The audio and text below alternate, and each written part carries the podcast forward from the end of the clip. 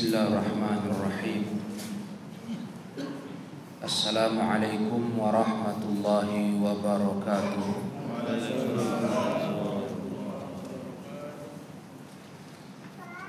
الحمد لله الحمد لله حمدا كثيرا طيبا مباركا فيه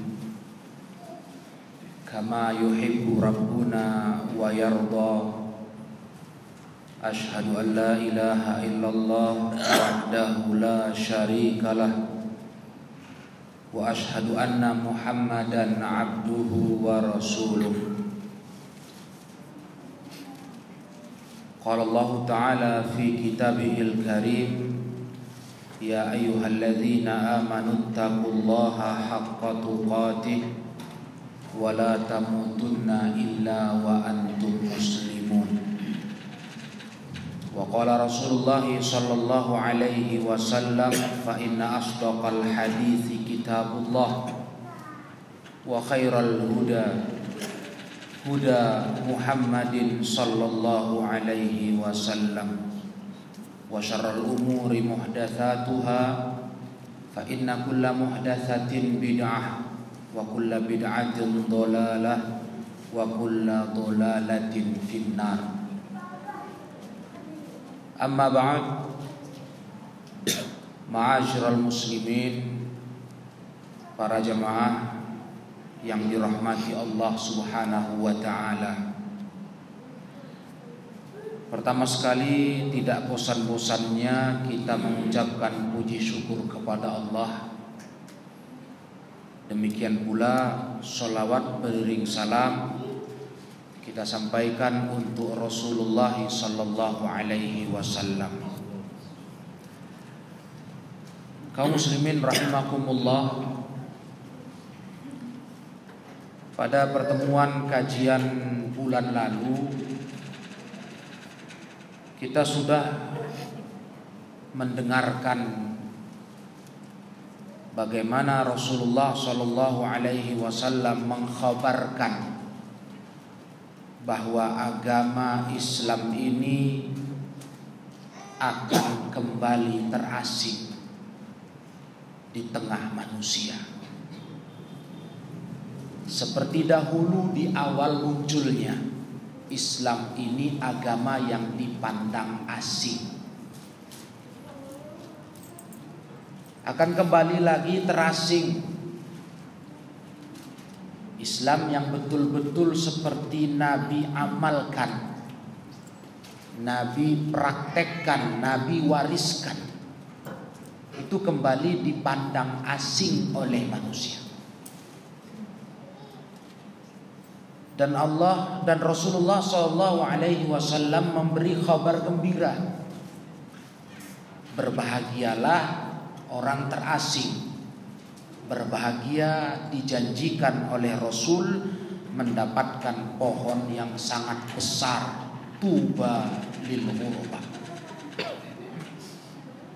Nah, ketika kita membahas hadis itu para jemaah yang saya muliakan itu bukan maknanya anjuran untuk kembali berpegang dengan Islam yang sebenarnya itu hanya anjuran yang berupa hukumnya disunatkan, bukan.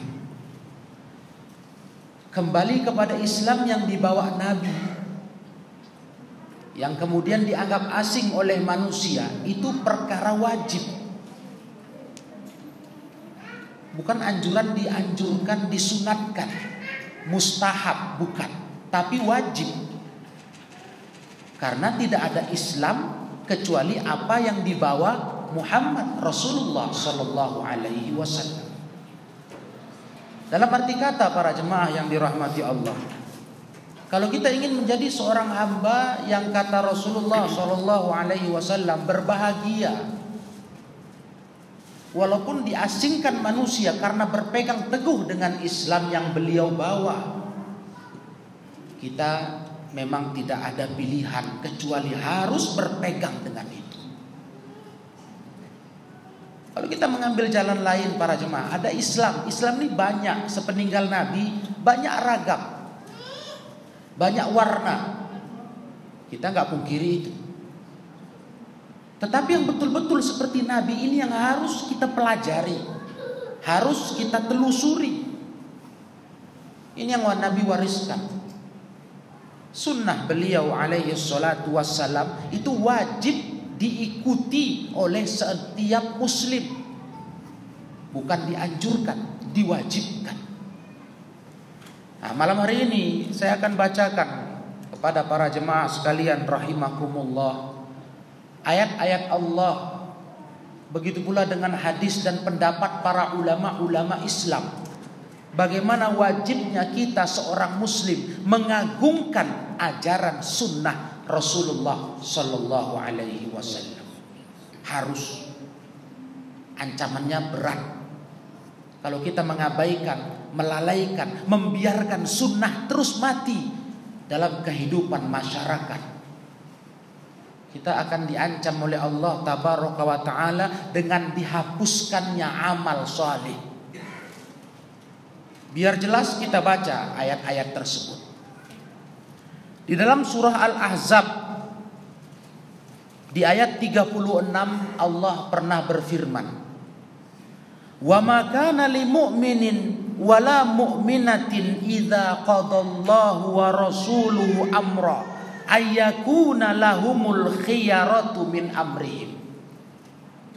Tidak pantas seorang mukmin laki-laki begitu pula yang perempuan orang beriman itu tidak pantas bila mana Allah dan Rasulnya sudah memutuskan satu perkara sudah memutuskan satu hukum kalau Allah memutuskan dalam kitabnya, Rasul dalam hadisnya.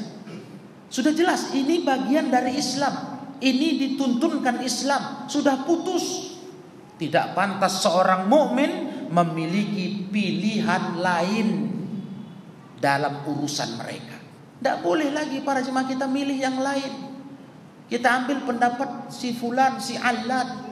Jelas-jelas tuntunan Rasul, sunnahnya ditinggalkan. Itu tidak boleh. Nah, ini kata ayat Al-Quran. Itu tidak pantas kata Allah. Orang beriman begitu sikapnya. Coba para jemaah yang dimuliakan Allah. Berapa banyak hukum Islam yang sudah baku, sudah jelas apa maksudnya. Terang benderang, begini harusnya kita hidup. Ini real, ini garisnya. Tapi banyak sekali kaum muslimin hari ini mengabaikannya.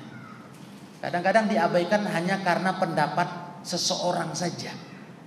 Istilahnya pendapat Rasul itu dibawahi oleh pendapat orang lain. Anggaplah dia tokoh. Anggaplah dia pembesar. Dia orang penting di tengah kita. Bagaimana pula kalau orang biasa? Artinya para jemaah, siapa pun kalau di lain selain Rasulullah tidak mungkin pendapatnya kita dulukan dari keputusan Allah dan Rasulnya. Tidak mungkin. Iya. Agama ini sudah jelas. Jadi ketika kita mendapati sebuah hukum dalam Islam, dalam sunnah Nabi, ini harus kita ambil. Nggak pantas kita pilih yang lain kata Allah. Itu tidak pantas. Kalau betul kita beriman. Nah ini perlu kita koreksi lagi para jemaah yang dimuliakan Allah pola beragama kita. Harus kita murnikan lagi dengan belajar. Ya, nanti akan nampak terbuka mana yang kita masih belum mencocoki dengan sunnah Rasulullah, dengan ajaran warisan Rasulullah. Mana yang masih kita jauh daripada tuntunannya. Itu dengan belajar akan ketahuan. Ternyata yang Nabi tuntunkan, yang Nabi contohkan kita tinggalkan. Ini ayat surah Al-Ahzab. Begitu pula dalam surah An-Nisa Allah menegaskan wa may yuti'ir rasula faqad Allah. Di dalam ayat yang ke-80 surah An-Nisa. Siapa yang taat ke Rasulullah berarti dia taat ke Allah. Kalau kita betul ngaku taat ke Allah, wajib taat ke Rasulullah. Dan taat ke Rasulullah ini bukan cuma slogan di mulut kita para jemaah yang mulia. Bukan pengakuan belaka. Kami taat. Coba periksa lagi lah amal ibadah kita. Coba pelajari lagi. Cocokkan lagi. Betul tidak yang kita kerjakan selama ini. Harus para jemaah. Karena kebalikan dari ayat ini. Siapa yang tak taat ke Rasulullah? Dia tak taat kepada Allah. Sedangkan kita selama ini insya Allah ya, saya percaya, saya yakin, kita orang-orang yang kepingin jadi orang taat kepada Allah. Itu nggak bisa para jemaah. Nggak bisa kita taat kepada Allah tanpa taat kepada Rasulullah. Makanya subhanallah saya masih teringat bulan lalu ada bapak yang bertanya. Definisi amal soleh. Dikatakan amal soleh itu apa? Amal soleh itu amal yang kita amalkan karena ikhlas untuk Allah dan cocok dengan tuntunan Rasulullah. Dasarnya taat ke Rasulullah. Kalau tidak nggak ada itu amal soleh, itu nggak ada bentuk taat kepada Allah. Walau niat kita, saya mau taat, saya beramal mau taat ke Allah. Tapi ketika diperiksa, itu nggak ada tuntunan Rasulullah. Berarti nggak taat ke Rasulullah. Maka tidak ada taat kepada Allah. Jadi amal itu nggak mungkin solih. Jemaah yang mulia. Tak mungkin solih nilainya. Walaupun kita pandang ini baik. Kalau tidak penuh dua syaratnya. Ikhlas dan mutaba'ah. Mencocoki Rasulullah. Kalau enggak akan jadi soleh amal itu. Itu amal yang soleh. Syaratnya dua. Harus ikhlas, niat lurus, dan prakteknya cocok dengan sunnah Rasul. Nah, ini yang terasing hari ini. Asing betul. Ketika kita mau menerapkan pola Rasul beragama, pola Rasul hidup, beribadah, bahkan umat Islam pun bingung. Loh kok begini? Kok cuma ini? Lumayan kalau cuma bingung. Yang lebih menyedihkan para jemaah yang dimuliakan Allah, bahkan umat Islam ada yang memperolok-oloknya. Betul. Ditertawakan. Kok begini amalmu? Kok beda? Kok cuma segini? Padahal yang Nabi kerjakan ya segitu. Nah ini sekarang. Jadi ini sebuah hal yang musibah bagi umat Islam. Musibah ini. Islam yang mereka cintai, saya yakin umat Islam ini cinta sama agama ini. Yakin saya. Baik sangka kita kepada umat Islam. Tapi ternyata Islam itu sendiri yang mereka musuhi. Ketika Islam yang benar seperti Nabi dihidupkan kembali, Islam ala Nabi, Islam yang kuno kayak ajaran Nabi, umat Islam sendiri yang jengah, resah, nggak terima. Dipikirnya Islam ini bisa dimodernkan kayak dunia. Kalau dunia silahkanlah para jemaah. Kalau dunia kita modernkan karena teknologi itu urusan dunia. Silahkan. Tapi urusan agama nggak bisa dimodernkan. Mana ada Islam modern? Nggak ada itu. Islam tuh ya kayak Nabi. Islam tuh bukan bisa berkembang dengan zaman atau mesti mencocoki budaya bangsa tertentu. Tidak bisa. Islam itu ajaran dari langit, bukan budaya Arab yang diagamakan, bukan. Itu ajaran dari langit, dari Allah. Rasul kan sudah saya tegaskan di kajian bulan lalu. Cuma penyampai. Allah yang punya syariat, Rasul yang menyampaikan, kita umat Islam penerima itu mestinya diposisikan. Kita di mana posisinya? Kita di posisi umat penerima. Nabi pun cuma penyampai, bukan perekayasa, bukan pembuat agama. Nabi bukan. Nabi cuma penyampai. Wa inna ana Aku ini hanya balagun mubin, penyampai yang nyata. Yang punya agama, yang meletakkan, yang punya aturan. Allah subhanahu wa ta'ala. Jadi Masya Allah ya. Kok hari ini kita dapati umat Islam seperti takut dengan yang Nabi buat itu. Ada tudingan-tudingan itu terlalu kaku. Tidak luas. Kalau cuma kayak Nabi saja. Loh. Ini sekarang kita judulnya apa ini Bapak-bapak sekalian yang saya muliakan. Kita judulnya mau beragama cari pahala atau mau beragama mau cari senang hati suka-suka saja. Kan tidak. Kita beragama mau pahala. Yang penting berpahala kan itu kita tujuan sekarang. Nah, bagaimana mau jadi pahala kalau kita beramal tidak cocok dengan tuntunan Rasulullah? Dari mana datang pahala? Harus begitu. Ini nggak kaku ini. Ini standar. Saya contohkan. Bagaimana kita mau dikatakan kaku, ketinggalan zaman. Kalau kita cuma sholat pas kayak yang Nabi ajarkan, rokaatnya segitu, gerakannya segitu. Di mana ekstrimnya? Di mana kakunya? Ya itu yang betul. Hari ini tidak dianggap mestinya agama ini harus dibukakan keran kebebasan berpendapat, menentukan urusan sendiri. Kalau mesti kayak Nabi kali nanti dibilang kearaban. La ilaha ini musibah yang harus kita saksikan di depan mata kita. Menimpa umat Islam yang kita cintai. Nah, para jemaah yang dimuliakan Allah tabaraka wa taala. Ditambah lagi surah Al-Ahzab ayat 21. Allah menegaskan. Kalau ayat ini saya rasa cukup sering disebut-sebut. Cuma bukti, bukti prakteknya. Realitanya ada nggak kita akui? Bunyi ayatnya begini. Laqad kana lakum fi Rasulillahi uswatun hasanatun liman kana yarjullaha wal yaumal akhir wa dzakarallaha katsira. Sering dibaca ini. Sungguh dijamin Allah pada sosok Rasulullah itu untuk kalian ada contoh terbaik. Jemaah. Udah kita buktikan, kita yakin dengan ayat ini. Pokoknya pada Rasul itu seluruh sisi kehidupan tuntunan-tuntunannya terbaik Allah yang jamin. Bukan malah kita takut-takut mau kayak Nabi nanti dibilang berbau kearaban lah. Hah? Atau kita mau cari malah panutan lain biar dibilang agak modern lah. Loh kenapa begitu? Tapi kita baca ayat ini diulang-ulang sering-sering disampaikan. Contoh terbaik di Rasulullah. Mestinya kita kalau begitu berpikir, bagaimana saya hidup kayak Rasulullah? Betul-betul dalam sisi agama kayak Rasulullah. Dalam sisi agama ya para jemaah. Jangan dicampur. Jangan orang ada salah paham terus berkata, "Oh, kalau gitu kau juga harus kayak Rasul." Berkendaraan naik unta, naik kuda, naik keledai. Nah, ini orang nggak paham. Kalau masalah dunia Rasul sudah bilang, kalian lebih tahu. Yang kita harus kayak Rasul di sisi di, di sosok Rasul itu ada contoh terbaik itu apa para jemaah? Yang bab agama, bab ibadah hubungan hamba dengan Allah. Itu contoh terbaik di Rasulullah, nggak ada lain.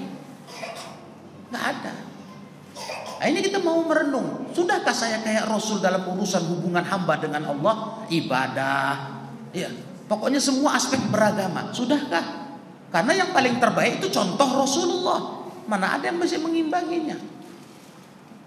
Nah, jadi kebanyakan kita masya Allah hari ini macam menghindar untuk kembali kepada metode Nabi dalam beribadah. itu ada kesan itu tadi yang kita sedihkan. Kok dianggap itu paham yang kaku dan ekstrim? Di mana ekstrimnya? Mencukupkan ibadah seperti Nabi di mana ekstrimnya? Malah itu syarat diterima ibadah itu oleh Allah. Harus cocok dengan Nabi. Ya, karena Allah utus nabinya untuk apa para jemaah? Untuk ngajari manusia bagaimana cara menyembah dirinya. Jadi kalau mau nyembah Allah, tak ada lain. Tengok cara Nabi. Itu gunanya beliau diutus. Dan ini sangat standar, sangat standar sekali. Ini yang mau kita hidupkan lagi, mencukupkan, mencukupkan amal Nabi dalam beragama beragama. Sekali lagi tolong jangan dicampur dengan dunia. Itu khianat namanya kita. Melakukan pembodohan ke umat manusia kalau kita campur kalimat ini untuk urusan dunia. Lantas terus mengharamkan teknologi. Ya, itu. Sampai ada yang berkata, kalau kau tak mau memodernkan beragama ini, jangan kau pakai teknologi. Jangan pakai pengeras suara, mic, jangan pakai alat tran, uh, transportasi canggih, alat telekomunikasi. Ah, ini jangan, jangan begitulah. Kita bicara kayak Nabi dalam hidup ini dalam urusan agama. Urusan hubungan hamba dengan Allah. Pantas nggak para jemaah? Kita cukupkan dengan cara Rasul? Ya pantas. Itulah guru kita. Kalau nggak Rasul diutus Allah, kita nggak tahu cara menyembah Allah. Jadi ini bukan hal yang kaku. Ini hal standar. Ya, ini yang mau kita coba kembali menghidupkannya walaupun berakibat beresiko terasing. Tidak apa-apa, sabar. Harus kita mulai biar kembali hidup sunnah Nabi di masyarakat. Di tetangga, di teman-teman, kita hidupkan lagi kayak mana Rasul beramal. orang mau pandang asing, kita sudah punya ilmu. Memang ini akan tiba masanya. Islam kembali terasing.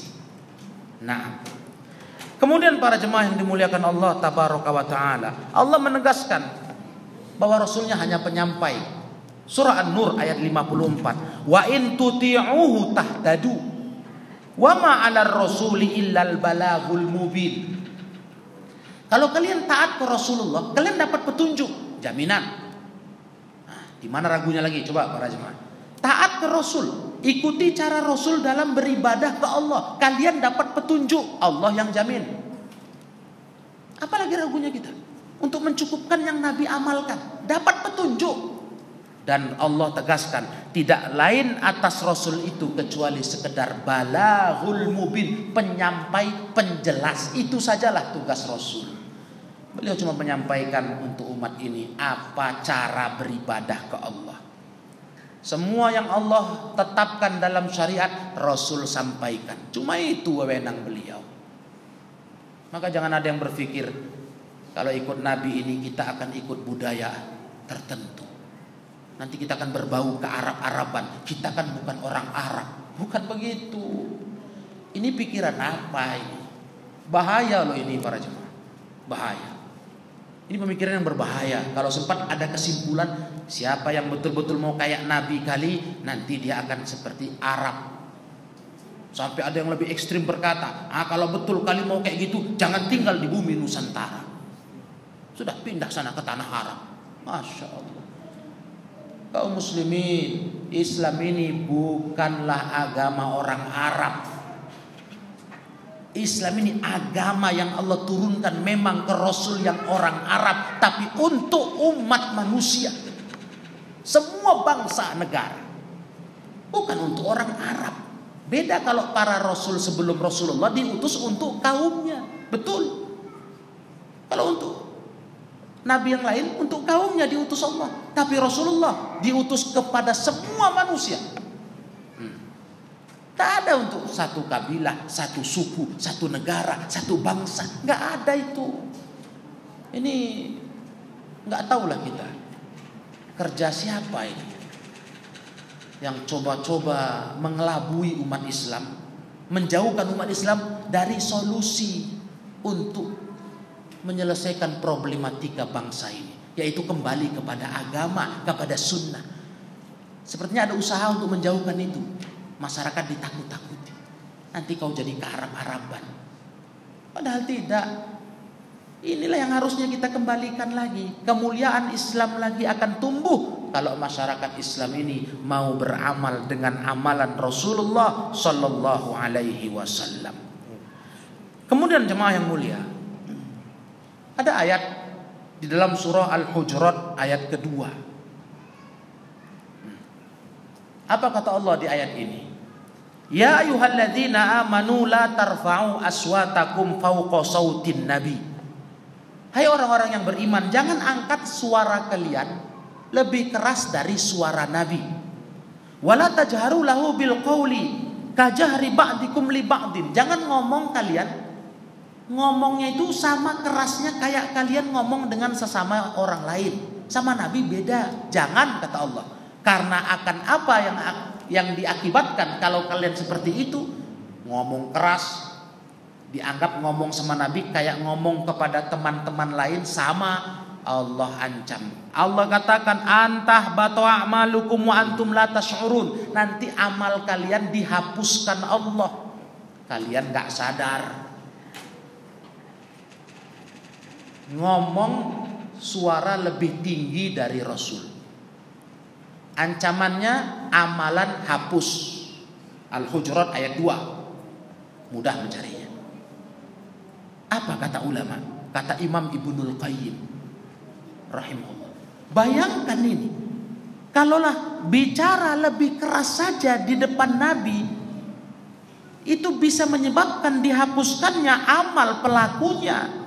Lah bagaimana para jemaah yang dimuliakan Allah tabaraka wa taala dengan tingkah orang yang berani mendahulukan cakap selain Nabi dibanding cakap Nabi Shallallahu alaihi wasallam.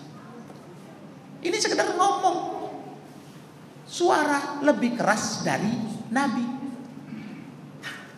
Dihapuskan amalnya kata Allah. Jadi kalau sempat ada orang berani cakap Nabi dicampakkan, cakap Nabi dibuang, cakap Nabi ditertawakan, perintah tuntunan Nabi disepelekan, diambil tuntunan orang lain, tuntunan orang-orang yang derajatnya di bawah Nabi. Apalah kira-kira hukumannya para jemaah? Kata Imam Ibnu Qayyim. Ini ancaman kepada umat Islam yang mendahulukan cakap manusia selain Nabi Sallallahu Alaihi Wasallam. Diancam, terancam amal ibadahnya bisa hapus. Kita mungkin selama ini ya mengira yang bisa menghapuskan amal kita adalah kemurtadan saja. Murtad dari Islam, hapuslah amal baik. Kan begitu. Karena kita sudah keluar dari agama ini. Ternyata ada amalan-amalan yang kayaknya ringan, kayaknya sepele. Tapi ancamannya menghapuskan amal. Ini kan sepertinya ringan ini. Cuma ngomong lebih keras saja di depan Nabi. Ya, tekanan suaranya lebih tinggi. Kalau kita pikirkan nggak seberapanya itu. Enggaknya kurang ajar kali sama Nabi, cuma suara lebih tinggi sedikit. Tapi Allah yang bilang, antah bato a'malukum wa antum la tashur. Nanti hapus amal kalian kalau buat begitu. Kalian gak sadar. Bayangkan kata Ibnu Qayyim, bagaimana lagi umat ini yang malah berani mencampakkan cakap Nabi, tuntunan Nabi, perintah Nabi, ajaran Nabi, sunnah Nabi, demi mengambil cakap manusia lainnya. Cakap tokoh, cakap pembesar, cakap guru, cakap nabi diabaikan. Nah, ini yang jadi pertanyaan harusnya di benak kita. Ini perkara besar. Karena kita yakin kita nggak akan mau jadi orang yang beramal sudah ngumpul-ngumpul pahala, tahu-tahu hilang. Sedih kali itu. Sudah banyak kita beramal insya Allah berpahala misalnya. Tahu-tahu karena ulah kita menolak tuntunan Nabi, mendahulukan cakap manusia lain dibanding cakap Nabi, itu amal yang sudah kita tabung pahalanya lenyap, dihapuskan Allah. Ini kan mengerikan ini kalau kita bisa bayangkan Dunia saja yang bisa dicari kalau hilang, gampang carinya lagi itu.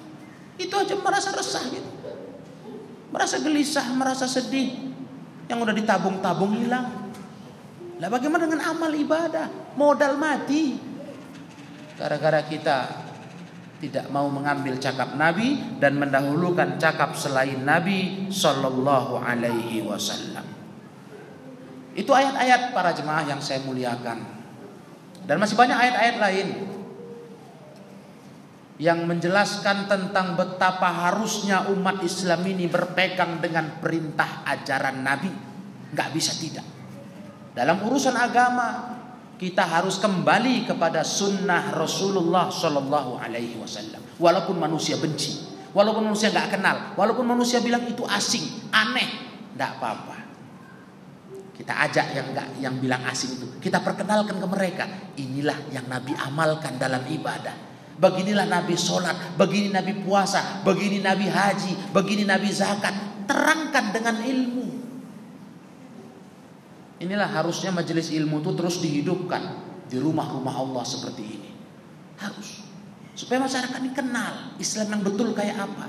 Jangan Islam yang hanya didapat dari keturunan ajaran turun menurun dari keluarga orang tua tapi betul-betul belajar Islam yang betul dengan dalil.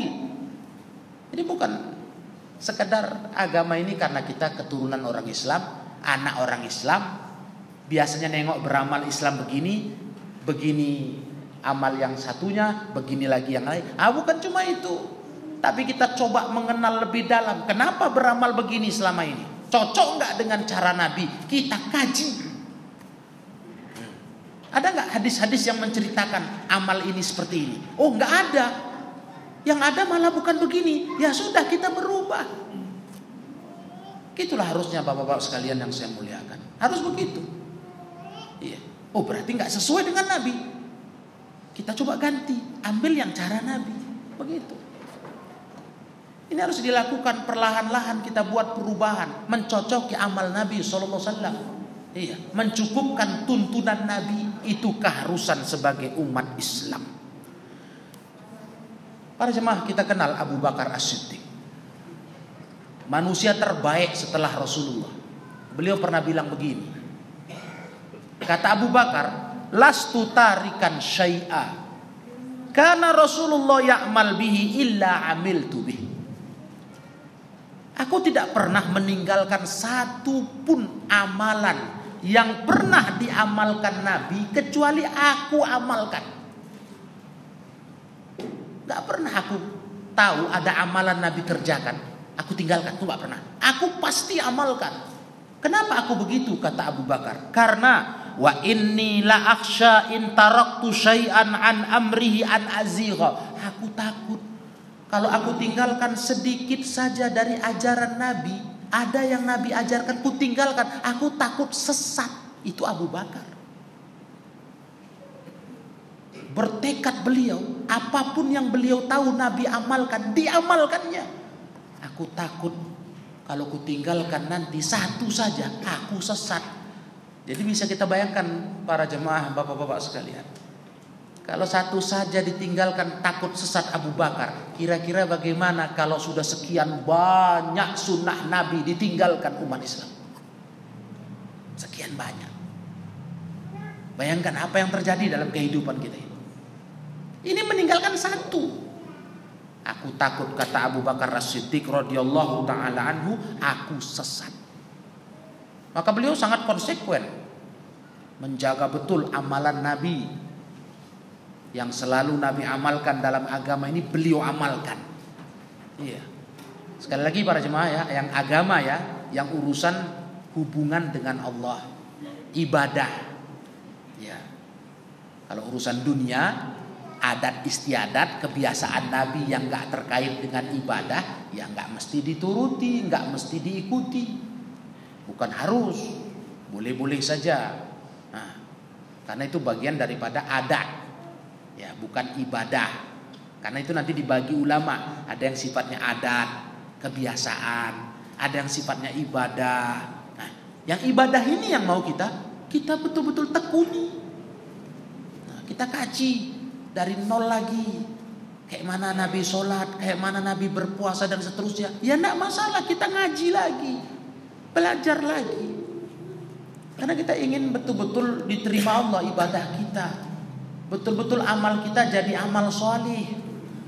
Betul-betul kita dianggap mentaati Allah sesuai niat kita. Karena kita mentaati Rasulullah. Gak apa-apa para jemaah mulia. Gak ada kata sudah terlambat. Gak ada istilah kita sudah terlanjur. Terbiasa begini. Gak ada itu. Gak ada. Iya. Allah masih beri kita kesempatan untuk mengkaji lagi sunnah Nabi. Masih Allah beri. Karena kita masih hidup. Kita masih punya ter, kesempatan terbuka lebar untuk berubah diri. Ya, berubah diri, mencari jalan yang benar dalam menyembah Allah yang mencocoki sunnah Rasulullah Sallallahu Alaihi Wasallam. Bahkan Umar bin Abdul Aziz, khalifah yang terkenal, Umar bin Abdul Aziz pernah berkata, La ra'ya li ahadin ma'a sunnatin sannaha Rasulullah sallallahu alaihi wasallam. Tidak ada pendapat seorang pun yang pantas diambil. Tidak ada pendapat seorang pun yang pantas diambil. Kalau pendapat itu berhadapan bertentangan dengan sunnah yang Nabi tuntunkan. Itu kata Umar bin Abdul Aziz. Tak ada pendapat siapa. Kita kan tetap umat ya, walaupun kita punya pendidikan tinggi, punya gelar tinggi, punya status yang tinggi, jabatan. Ya kita umat Islam. Di agama kita umat. Penerima. Jadi nggak pantas ada yang bentur-bentur kan antara sunnah Nabi dengan pendapat tokoh. Nggak pantas itu. Itu kata Umar bin Abdul Aziz. Semoga Allah merahmati beliau. Khalifah yang mulia. Jadi tetap yang tertinggi itu di atas uh, ubun-ubun kepala kita. Itu sunnah Nabi SAW, tuntunan Nabi. Cakap siapa pun kita tinggalkan. Kalau bertentangan, kalau bercocok, berkesesuaian kita ambil. Kita hormati, kita hargai. Tapi kalau kebetulan bertentangan, kita tolak. Kenapa tidak? Kok mungkin bertentangan tapi dia seorang tokoh agama, seorang yang berpendidikan agama, seorang yang eh, tergembleng dengan agama. Ya, para jemaah yang dimuliakan Allah, kita tidak lupa ucapan Imam Syafi'i. Imam Syafi'i rahimahullah itu pernah berucap kata Imam Syafi'i kalau ada hadis Nabi yang hadis itu ternyata bertolak belakang bertentangan dengan ucapanku menunjukkan apa? Sekali Imam Syafi'i pun sadar mungkin jadi pendapatku ada bertentangan dengan sunnah Nabi. Berarti beliau sadar kan? Maka beliau berpesan. Hmm.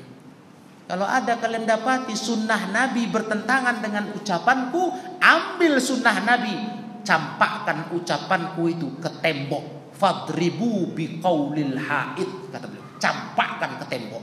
Tak ada harga cakapku. Nah, ini salah satu yang harus disadari umat Islam. Jangan kita tertipu dengan gelar pendidikan, ketokohan. Kemungkinan salah siapa pun kita ada. Jangankan kita. Imam Syafi'i. Imam Syafi'i kan lautan ilmu ini. Imam yang sangat terkenal. Beliau sadar kalau ada cakapku bertentangan sama sunnah Nabi, ambil sunnahnya, cakapku campakkan. Begitulah rumusan hidup ini para jemaah. Jangan agama ini ditakar, ditimbang dengan cakap pikiran manusia. Tapi pikiran manusia yang ditimbang dengan agama. Artinya, kalau ada orang bicara agama, kita timbang dengan agama. Betul tidak? Jangan agama yang sudah jelas ditimbang dengan pikiran orang lain. Nah ini yang harus masyarakat paham cara pikir ini. Kalau nggak membingungkan nanti. Kalau semua agama itu ditimbang dengan cakap pemikiran orang lain, nanti kita bingung. Kenapa? Orang lain ini kan banyak. Bukan satu orang, banyak. Nanti yang satu bilang begini, yang satu bilang begitu. Bingung. Tapi kalau cakap orang kita timbang dengan agama, dengan sunnah, jelas. Karena sunnah itu satu. Islam itu jelas. Nah itu dia. Itu pesan dari para ulama seperti Imam Syafi'i yang dirahmati Allah tabaraka wa taala. Dan Imam Syafi'i para jemaah yang dimuliakan Allah pernah berkata, "Ajma'al muslimuna ala anna man istabana lahu sunnata Rasulillah sallallahu alaihi wasallam lam yahilla lahu ayyada'aha liqauli ahadin." Umat Islam sudah sepakat kata Imam Syafi'i bahwa siapa yang telah jelas baginya sunnah Rasulullah Sallallahu Alaihi Wasallam. Sudah jelas ya. Artinya dia punya hujah. Ini ajaran amalan ini begini tuntunannya. Itu tidak halal baginya meninggalkan sunnah Nabi karena ucapan seseorang. Itu sepakat umat Islam. Kalau ketika, ketika kita punya dalil ya, sudah punya hujah. Kita tahu amalan ini jelas, ini dalilnya. Tapi ada orang bilang, ah itu nggak betul. Jangan tinggalkan sunnahnya, tinggalkan cakap orang. Kenapa? Sunnah ini di atas segalanya. Biar tadi kita kembali ke kajian bulan lalu, biar kita terasing. Maka sekarang kita ini harus terbuka lah para jemaah, harus terbuka. Terbuka dalam arti begini. Kita harus banyak bertanya kepada siapa pun, cari kejelasan. Kalau bicara tentang agama ini, itu harus punya dalil. Tidak masalah itu, nggak kurang ajar itu itu adalah sebuah hak sebagai seorang muslim untuk mencari kejelasan beragama. Kalau ada orang berkata, ini ajaran Islam. Amalan Islam mesti begini. Itu pantas sekali kita bertanya kepada orang yang berkata itu di manakah tuntunannya supaya kita berilmu, kita punya pegangan. Pantas itu para jemaah. Karena memang semua kita gini hanya pengikut. Jadi mestinya kalau kita berani berkata, ini hukumnya begini, ini ajarannya begini, mestinya kita punya pegangan dalil. Dia punya hujah. Tidak boleh hanya dengan berkata, wah ini menurut saya, nggak bisa. Ini hemat saya, nggak boleh itu, karena dia bicara agama. Kalau bicara dunia, memang silahkan. Silahkan dunia ini kan sifatnya sesuatu yang bisa dikembangkan. Iya. Nggak baku dia, belum jadi. Terus berkembang, terus berkembang, terus berkembang. Silahkan. Tapi agama nggak bisa. Agama ini sudah sudah harga mati. Yang Nabi pernah berpesan alaikum bidinil atik kata Nabi, wajib kalian berpegang dengan agama yang kuno, wajib berpegang dengan agama yang kuno. Berarti Islam itu ya yang seperti Nabi dululah yang perlu kita ambil, yang kuno. Nah, itu yang harus diambil. Itu pesan Nabi dalam hadis sahih. Alaikum bidinil atik, wajib oleh kalian beragama dengan ajaran yang kuno. Maka ma'asyiral muslimin, para jemaah yang dirahmati Allah tabaraka wa taala. Imam Malik Imam Malik imam yang lebih dulu dari Imam Syafi'i. Tokoh madhab kedua. Imam Malik bin Anas pernah berkata, As-sunnatu safinatu Nuh. Sunnah Nabi itu ibarat kapalnya Nabi Nuh. Kita semua tahu bagaimana cerita kapal Nabi Nuh. Ini kapal penentu keselamatan. Siapa yang naiklah yang selamat. Nggak naik, mati tenggelam. Sunnah Nabi itu kayak begitu kata Imam Malik. Kayak kapal Nabi Nuh. Man rokibaha naja wa man takhallafa anha. Siapa yang naik ke kapal itu selamat. Pasti kisah Nabi Nuh kan kita semua tahu. Yang naik kapal Nabi Nuh yang selamat.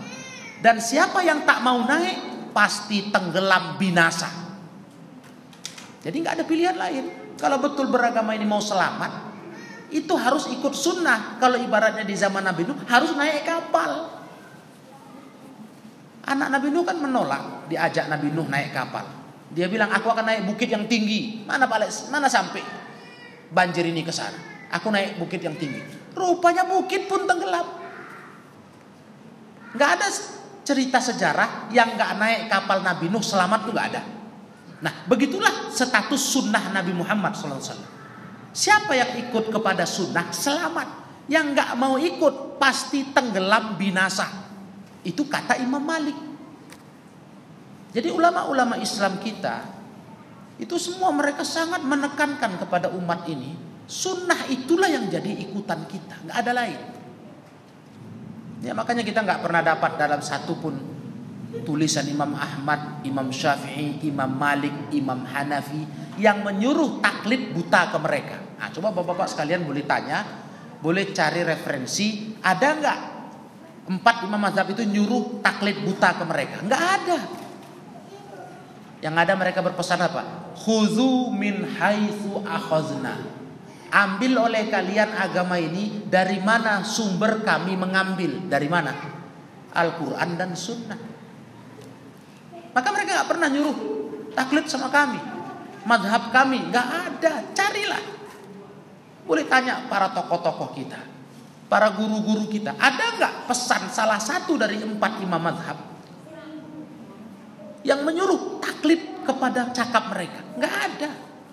Yang ada disuruh mereka ambil dari mana kami mengambil. Makanya kita para jemaah yang mulia, kita betul-betul menghargai para imam madhab dengan kita ikut pendapat mereka yang betul-betul mencocoki sunnah. Kita ikut. Karena itu mau mereka. Mau mereka umat ini dibimbing kepada sunnah Nabi. Mereka lah guru kita. Mereka lah pembimbing kita. Tapi ada satu kasus misalnya nggak cocok dengan sunnah pendapat mereka.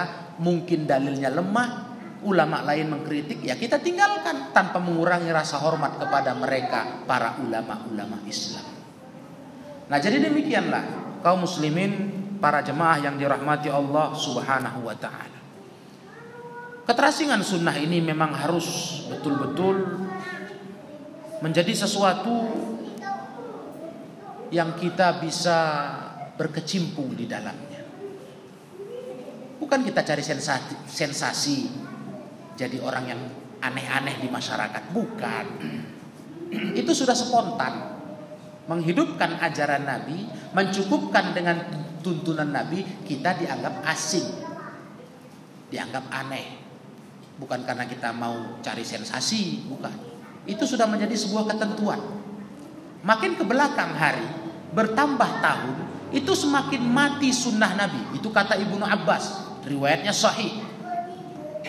Ibnu Abbas yang bilang, tidak ada datang satu tahun yang baru kata Ibnu Abbas kecuali di tahun itu tamutus sunanu sunnah Nabi tambah mati tambah dilupakan umat Islam itu pendapat Ibnu Abbas yang kita kenal sebagai sahabat ahli tafsir itu fenomena itu para beliau ngomong sudah sekian lama sekian abad yang sekian lama sahabat Nabi Ibnu Abbas hampir 14 abad yang lalu beliau berpesan kalau udah bertambah tahun itu tambah mati sunnah.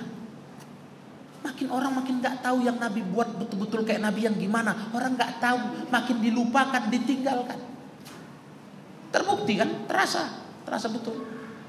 Tapi tidak apa-apa. Kita sudah dapat hadisnya dan kita malah terus berusaha untuk memperkenalkan sunnah ke masyarakat. Karena kita punya tujuan tadi. Tujuan kita ingin memperbaiki kehidupan beragama masyarakat Islam. Biar amal masyarakat Islam ini jadi amal solih. Biar amalnya diganjar pahala. Kalau enggak nggak dapat pahala nanti. Nah, jangan hanya dipikir yang penting ikhlas, ikhlas. Betul itu paling penting. Syarat pertama, tapi juga nggak kalah penting. Setelah ikhlas harus cocok dengan sunnah. Jadi mari para jemaah.